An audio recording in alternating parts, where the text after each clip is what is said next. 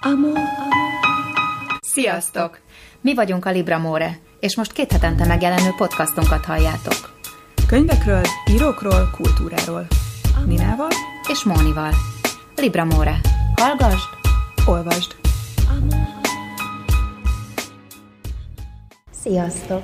Sziasztok! Ez, Ez már a 36. igen, adásunk. Igen, 36. Annyi idős vagyok pont, úgyhogy akkor most Istenem. összejött, a, összejött a, az éveim, éveim száma és a podcast adásaink száma. Hmm, hanyadika van? Nem 36. Jó, akkor többet nem tudunk ide húzni, de így is De, erősen ha, de ha, hármassal kezdődik legalább a nap. Kész. Úgyhogy, és nagyon jó kedvünk van, mert egy nagyon szuper könyvemutatón voltunk. Mind a ketten ö, azt mondtuk, hogy ez volt a Igen. tökéletes könyvbemutató, Abszolút. és az én életemben az első tökéletes volt, lehet, hogy a tiédben is. Igen, Borheznek a, a könyvbemutatóján voltunk, és a jelenkor adta ki, majd a kés, az egyik későbbi adásunkban bővebben is lesz róla szó, mert mindenképpen fogunk interjúzni a kötet szerkesztőjével és for, rész, részben a fordítójával is, Solc Lászlóval. Ma is egy nagyon tökéletes regényel folytatjuk. Domenico Starnone Hurok című regényéről fogunk beszélgetni.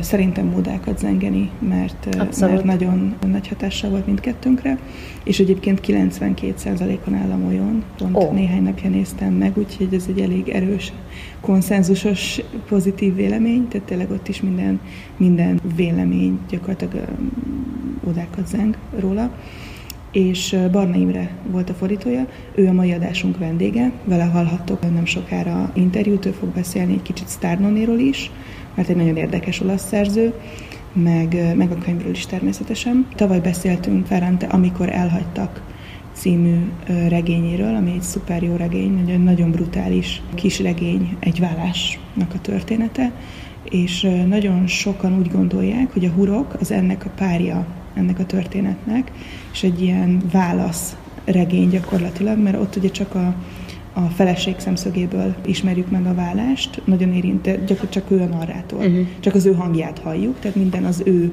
nézőpontján keresztül jut el hozzánk. Itt viszont ugye három fő része van a regénynek, ugye három felvonás gyakorlatilag, és a, ugyanannyira tudjuk, vagy ismerjük a, a férjnek, mint a, a, nyilván a férj a főszereplő, tehát elsősorban az ő tettei tározzák meg a, a regényt, de a legeleje ugye a feleségnek a, a leveleivel indul, és a gyerekek is már felnőttként lépnek be újra ugye a végén a, a regénybe. Tehát ugye kisgyerekként is tudjuk, hogy hogyan, hogyan hat rájuk a, ez az ideiglenes vállás, ugye itt egy néhány éves vállás. Négy, négy, éves aha. válásról, és nem is válnak el igazából, csak külön élnek, azt Mhm. hiszem. Igen, igen. És nagyon rafináltan vezet be bennünket Starnone a, a, ennek a drámának a világába, ugyanis azt látjuk először, hogy egy idős házaspár elindul nyaralni, és a férfit átvágják pénzzel először még otthon indulás előtt, utána pedig az utcán egy, egy vándor kabátáros, vagy,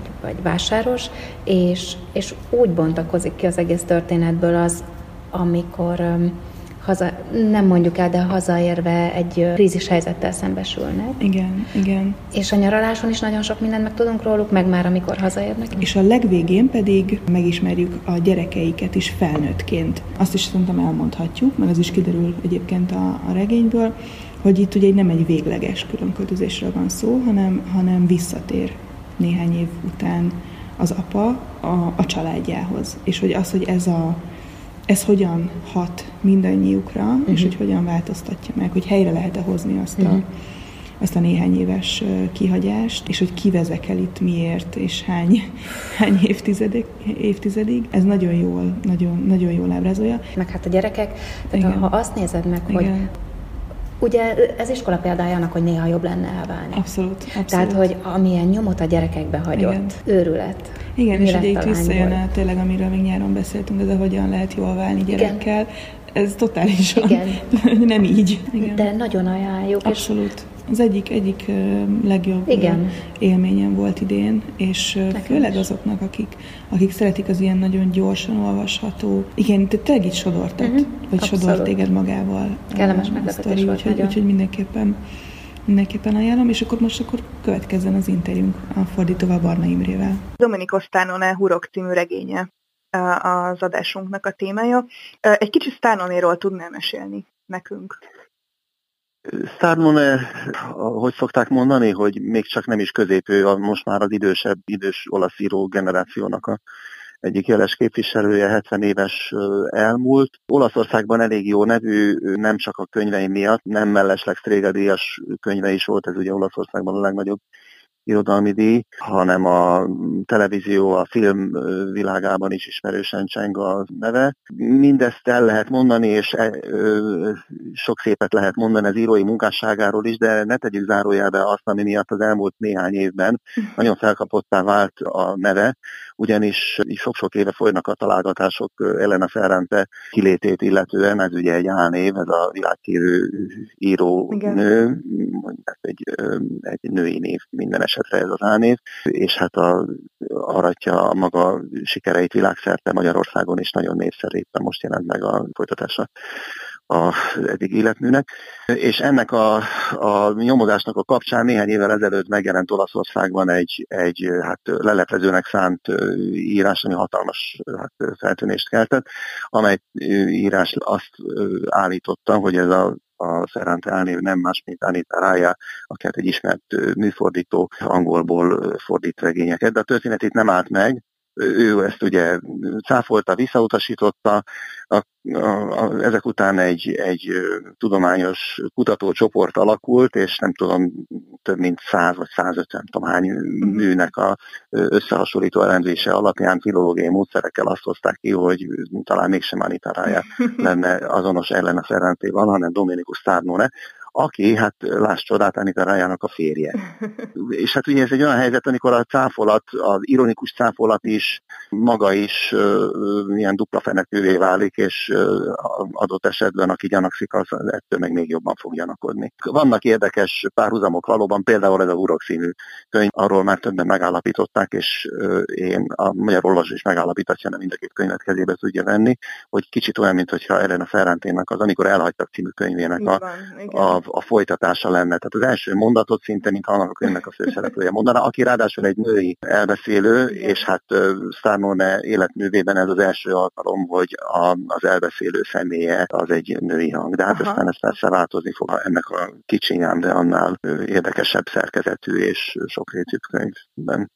Igen, pontos egyébként elő akartam is kérdezni, hogy az amikor elhagytak nagy gyakorlatilag a párja, a hurok, Szárlóne nem ezt mondja, Szárlóne a saját előző regényével állítja Aha. párba. Ez egy hallatlanul izgalmas és nagyon érdekes könyv.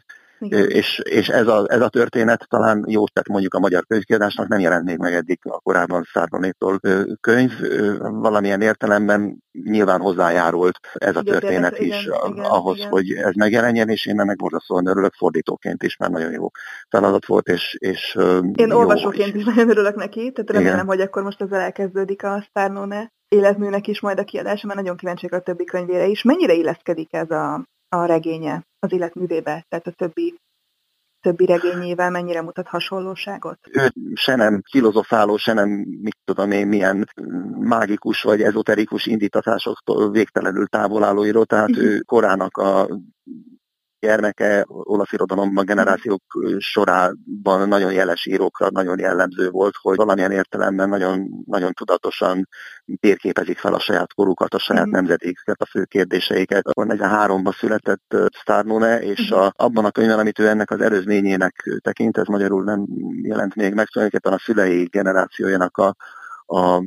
történetét írja meg. Ha úgy tetszik, ez olyan értelemben annak a folytatása, hogy pontosan nem, nem a generáció történetét, hanem bizonyos problémáknak a mhm, történetét. Uh-huh. A család például, a család mint probléma, tehát az emberi kapcsolatok és a család és a, a szerelmek és mindennek a viszonya a társadalomhoz, a politikához, a, a történelemhez is, amennyiben a, a, ennek az egész generációnak a története értelmezhetetlen az előzményektől, a, uh-huh. a fasizmustól és a, és a háborútól. Tehát ugye a szülőknek a története azok olyan, olyan embereknek a története, bármiről szóljon is az a történet, akik a fasizmus idején gyerekeskedtek, és a neveltetésüket a, az, az iskolás éveiket az a korszak határozta meg, és hát aztán utána háború utáni évek, és, a, na most hát ugye, és az a generáció pedig, amelyik a, ennek a könyvnek a főszereplője, ugye az, az egyik szál az a 70-es évek 74 vagy mikor vagyunk, akkor indul. Ugye hát ez a post 68-as, 68 még mint a 68-as eszmevilág és a és, és azok az illúziók, vagy azok az utópiák, amelyek értették őket, az még egy friss emlék akkor, próbára tesz egy párt a saját hát, helyzetük, hogy akkor mit kezdenek ezekkel az eszmékkel, majd aztán egészen a máig elmegyünk, és hát itt már mint öreg emberek állnak előttünk, és feltérképezhetik, hogy mire mentek a eszméikkel, illetve a magatartásukkal, a cselekedeteikkel tudják-e értelmezni, hogy egyáltalán, hogy mit tettek. És nagyon fontos, hogy itten a, taljak rá, hogy belép a képbe a következő generáció is, hogy itten a, az, azt is látjuk, hogy a, hogy a gyerekekkel mi lesz. Tehát ezek a, a, a mai 40-eseknek körülbelül a sztoriánál vagyunk. Tehát azt, csak, azt akartam csak mondani, hogy számomra nem történelmi regényeket ír, és nem eszéregényeket ír, hanem, hanem végigkövette tulajdonképpen a, a 20. századi uh-huh. Olaszországban, vagy 20. század vége, 21. század elején vagyunk most már, hogy hogyan élő ebben a világban ő és az ő nemzedéke. Igen, és nagyon érdekes, hogy nekem egyébként az Amikor elhagytak volt az egyik kedvenc olvasmány, legjobb olvasmányélményem tavalyról, és ez pedig abszolút az egyik kedvenc idei olvasmány élményem. És nagyon érdekes, hogy milyen teljes életeket tud kibontani egy egészen rövid regényben. Tehát azért ez, Igen. egy, egy, Igen, ez egy, egész, egy délután alatt Igen. olvastam el, és azt elmondhatjuk, hogy három felvonása van gyakorlatilag a könyvnek, három részből áll. Ugye az első a feleség szemszögéből, utána ismerjük meg a, a férj szemszögét egy kicsit jobban, és utána a gyerekek, Igen. a már felnőttként, hogy hogyan, hogyan hatott a gyerekeik életére az a döntése a férnek, Igen. hogy a 70-es években elhagyta a feleségét néhány évre. És ugye egy picit bonyolultabb ennél persze, mert a feleség, amikor a feleség beszél, akkor még a 70-es években igen, vagyunk, és akkor igen, még a, a tulajdonképpen egy drámát a, ö, írja le egy röviden 15 oldalon, hogy hogyan szeret bele a két gyermekes családapa egy diáklányba, és hogyan hagyja el a, miatt a családját. Ez nem spoilerezés, mert ez a legelején igen, történik igen. a dolog. Aztán a feleség itt elhallgat, ugye? De ezek ilyen levelek, amiket a férjének ír, ezek a levelek aztán később elő fognak jönni. Tehát tulajdonképpen a feleség szempontja is újra meg újra megjelenik a férje elbeszélésében is, igen, igen. mert akkor ő már idézi őket, meg az ő párbeszédeiket, igen. Igen, a gyerekek pedig megint csak a gyerekek egyrészt visszaemlékeznek, felelevenítik a, a gyerekkort, nem utolsó sorban azt az emblematikus jelenetet, ami a, amiből a szín is fakad, a, ezt a férj is említi, ezt hadd meséljem el, mint fordítónak. A, fordító ugye nem szavakat fordít, de így speciál óriási problémát okozott a címnek, ennek az egyetlen szónak a fordítása, Lácsi olaszul, ami ugye azt jelenti, hogy fűzők, vagy cipőfűzők szó szerint, de kötelékeket is jelent. Na most hát ugye a cipőfűző szót, ha, fűz, ha elhagyom a cipőt, akkor az nem már, már mást jelent. A cipő, na, szóval az, az a lényeg, hogy itt, hogy itt egy, egy arról az, hogy ki hogyan emlékszik arra vissza, hogy hogyan tanította meg a papa cipőfűzni a gyerekeit, de ez egészen egy hatalmas szimbólumán növé ki magát, hogy, hogy mint az, az a kötelék, az a, a urok, ha úgy tetszik, tulajdonképpen ez a jelentés is benne van, ott nem úrkolják a, a cipőt, pillanatokon belül annál a köteléknél és annál a uroknál vagyunk, ami uh-huh. ezt a két embert egymáshoz köti, és láncolja, az egyik gyerek mondja is, hogy az egész életünk abba telt, hogy annak az áldozatai voltunk, hogy ti hogyan, hogyan kötöztétek magatokat, igen, vagy akartatok. Igen, ezt pont akartam is idézni, hogy a mi szüleinknek csak az a hurok számított, amivel egymást kínozták egy életen át. És ugye a, a, a borítókép is erre, erre utal. Igen, igen, igen. Az, az, az, az segített egyébként, hogy igen, hogy végül is aztán ez. De, de elárulom különben, hogy egészen más címet gondoltam, a más munkacímen futott végig, míg dolgoztam. Mi, mi, a legvégén jöttem. Nem, nem, nem is mondom, ez egy ilyen mesterséges címe lett volna, mert majdnem feladtam azt, hogy de aztán mindaztán eszembe jutott, hogy ezt, ezzel a urokkal ezzel meg lehet oldani. De ez nagyon jó szerintem. Egyébként még az előző, még azt akartam, azt akartam még bocsánat mondani az előzőhöz, hogy ez a, a kis terjedelem nyilván, és a mélységek és a sokrétűségek mégis, és hát itt most már épp elégszer emlegettük a Ferrante könyvet, az amikorról elhagyták, de erre a kérdésre, amikor ezt a riporter is nyagatja Szárlónét, hogy kvázi ismerje be, hogy annak a folytatása ez a könyv, hát nem egészen így, akkor azt mondja, hogy hát igen, van ez a szituáció, de hát ez egy elég régi szituáció, és a család mint probléma, és a házasság egy elég régi probléma, és ő leginkább mégis inkább Tolstoynak a Krajszer szorátáját említené, mint egy fontos előzményt ő neki ez. Mhm. és, és hát gondoljunk rá, igen, Tolstoy is tudott igen. eléggé nagy regényeket írni, de speciál a Krajszer szoráta nem a nagy terjedelmű művei közé tartozik, és ugyanakkor hát ennek a civilizációs alapkérdésnek azt hiszem, hogy kevés ennél tartalmasabb tárgyalása van, mint a Krajcer Ami nagyon megfogott engem ebben a regényben, ugye, ugye a házasság a, illetve egy ilyen krízis helyzetnek a különböző szerep, a, a családtagokra való hatása mellett, az az, hogy a, az olasz értelmiségi létet, azt mennyire, mennyire tűélesen tudja bemutatni egészen a 70-es évektől, tehát hogy milyen egzisztenciális helyzetben volt egy, egy értelmiségi. Igen, igen, tehát itt, itt mondjuk úgy, hogy Pontosítva, hogy ennek a 68-asnak mondható értelmiség uh-huh. típusnak, vagy generációnak a, a történetei, a lehetséges történetei vannak itt. Tehát ugye egyrészt a, ugye a nukleáris család vége, a, a nyitott házasság, a szabadság illúziója, és mindezek Igen. a témák ugye a, a kettő kapcsolatában ezt ugye az elbeszélésből megtudjuk, hogy ebben nagyon egyetértettek mind a ketten ifjúkorukban, amikor egymáshoz mentek férjül és feleségül, ugyanakkor kimondva kimondatlanul a házasságuk a lehető leghagyományosabb házasságnak indult, ami örökké fog tartani, és mint hogyha mindezek a kérdések társadalmilag fontos kérdések lennének, de őket nem érintenék. Aztán, amikor abban a pillanatban, amikor érinti őket, akkor kiderül, hogy az ő esetükben legalábbis egy hajítófát sem érnek, nem mennek vele semmire a, se a nyitott házassággal, sem a család válságával, az ő családjuk kerül válságba ettől a helyzettől. Aztán az, amikor pedig végül is ugye hát kibékülnek, mert hát itt tegyünk egy kérdőjelet, minden eset, mikor visszamegy a férj, és következik a következő 40 év, akkor azzal szembesülünk, hogy maguk se tudják pontosan, hogy mit akarnak, mit cselekszenek, miért csinálják azt, amit csináltak.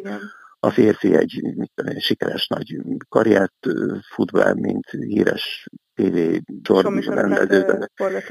Igen, de, de hát azért a különösebben lelkes viszony nem fűzi őt sem ehhez a munkához. Igen, mintha ugye, és hogy mintha végig vezekelne azért a Igen. néhány évnyi kilengésért, utána egy egész életen át. És... inkább a feleség az, aki ő talán kevésbé hasonlul meg abban a tekintetben, hogy ő sosem gondolta azt, hogy majd ők megoldják a családválságát. Ő azt gond, vagy így pontosabban, hogy ők majd alternatív családot teremtenek, ő hagyományos családot igen, igen, tehát neki egy út Minden nagyon fontos, hogy ez egyik legfontosabb tulajdonság ebben ennek a könyvnek, hogy ebben nincsenek jók és rosszak, és uh-huh. nyertesek és vesztesek. Itt most ahhoz képest mondom ezt, hogy ez egy szinte egy szuszra olvasható, rettentő olvasmányos könyv, de mindenki nagyon rosszul jár. Igen, úgy, a, teljesen, tehát egy remekül bemutatja azt, hogy egy döntésnek milyen sok vesztese lehet, és mennyire kevés nyertese. És azzal, hogy ezt mondom, azt, azt gondolom, hogy talán ez sem spoilerezés, mert, mert az, hogy nincs happy end, azért azt egy egy jó érzékkel megáldott olvasó a könyv felénél rá fog jönni, hogy ez nem, nem az a könyv, ami nem happy end jelent. Ugyanakkor hihetetlenül jól megszerkesztett kis nagyon, könyv, mert a, mint a legvadabb klinik esetében Igen. is az utolsó oldalon is van még egy meglepetés, amit viszont most nem mondok. Így van, így van, egy nagyon ravasz csattanó van a végén. Igen. Köszönöm szépen az interjút.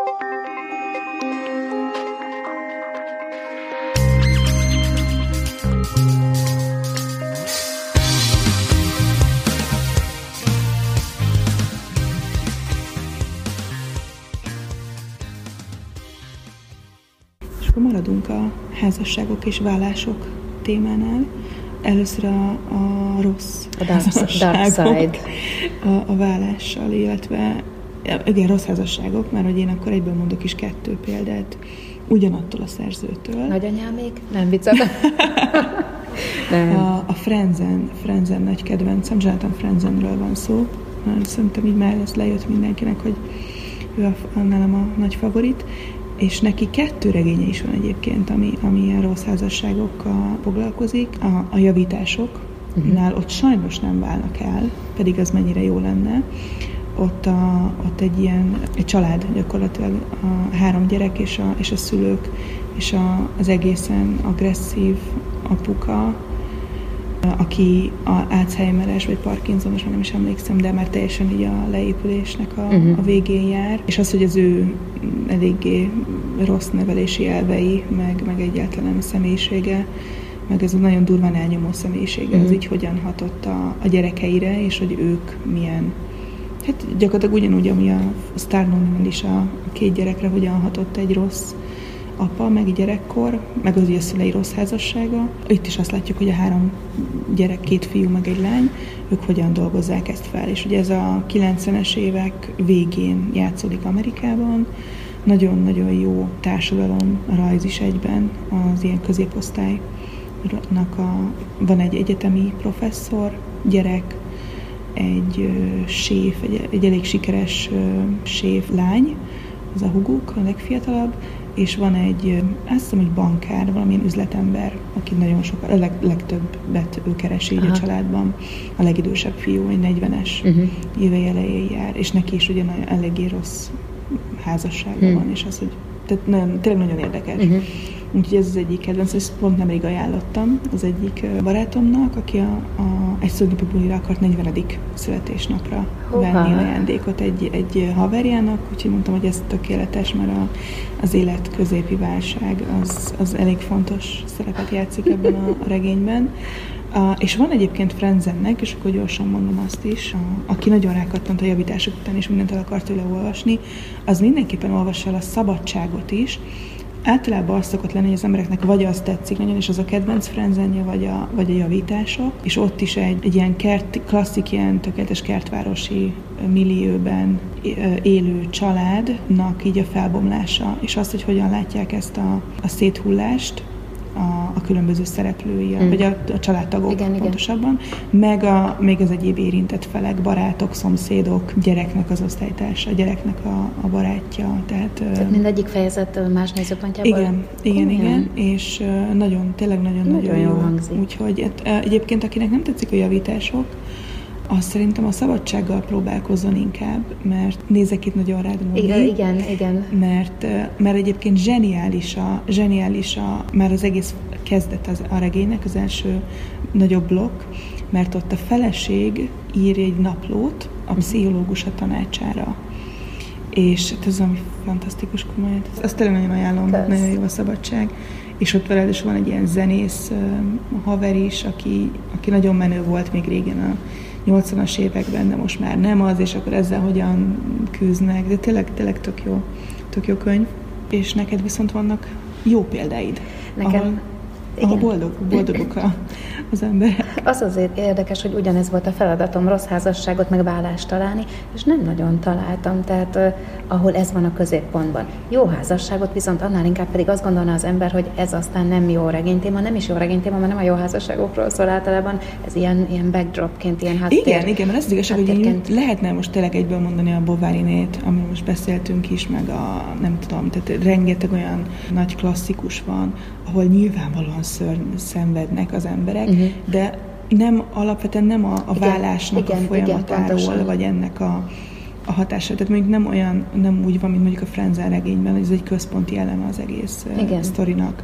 Tehát itt inkább a, a szenvedés az, ami az ebből fakadó szenvedés, Igen. tehát olyan tényleg kismillió példa van. Igen.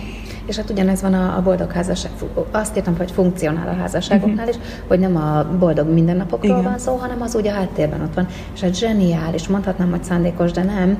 Megint Péter Figergelyt ide tudtam hozni, a Kitömött Barbár című regénye kapcsán, és hát mit írtam az olvasónaplomban? Márton Lászlóra utaltam. Azt írtam róla, hogy Márton Lászlóra emlékeztet, szuper, de egy fokkal olvasmányosabb, nem kell minden oldalon a vért letörölnöm a homlokomról, és ez ha, ha Márton László tökéletes, akkor egy fokkal szórakoztató Márton László, bocsánat Péter Figergely, nem Márton László, de, de valahogy ugyanazt, a, ugyanazt az aprólékos, Aha. nagyon olvastam egy helyütt, hogy talán túlírt, de nem, tehát hogy nagyon céllal, nagyon aprólékosan megírt regény, és ott ugye a háttérben, mert az előtérben Kazincinak és a, a Szoliman nevű barátjának, a Bécsi udvarban él, az ő barátságukról szól az egész, viszont a háttérben ott van Kazinci és Török Szofi házassága, ami egy nagyon érdekes dolog volt akkoriban, mert uh, Török Szofi gróf kisasszony volt, uh-huh. és nagyon sok mindent fel kellett adni akkor, amikor hozzáment Kazincihoz, ugyanis leköltöztek szép halomra,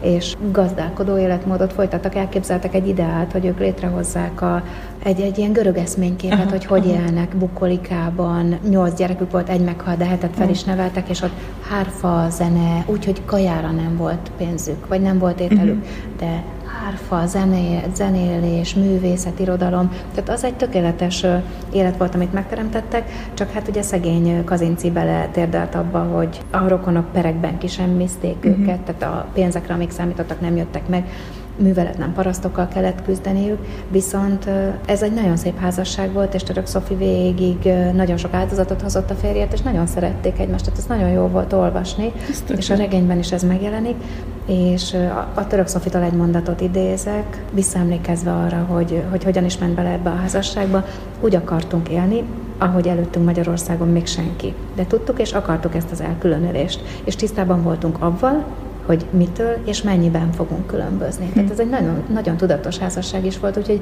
ez nagyon jó volt olvasni.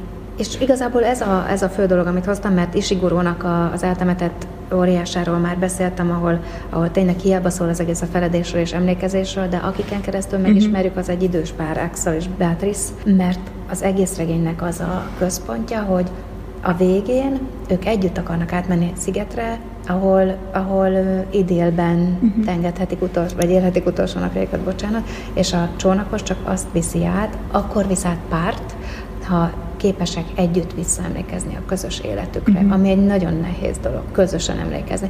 Úgyhogy így szól a, a jó házasságról, és nekik sikerül.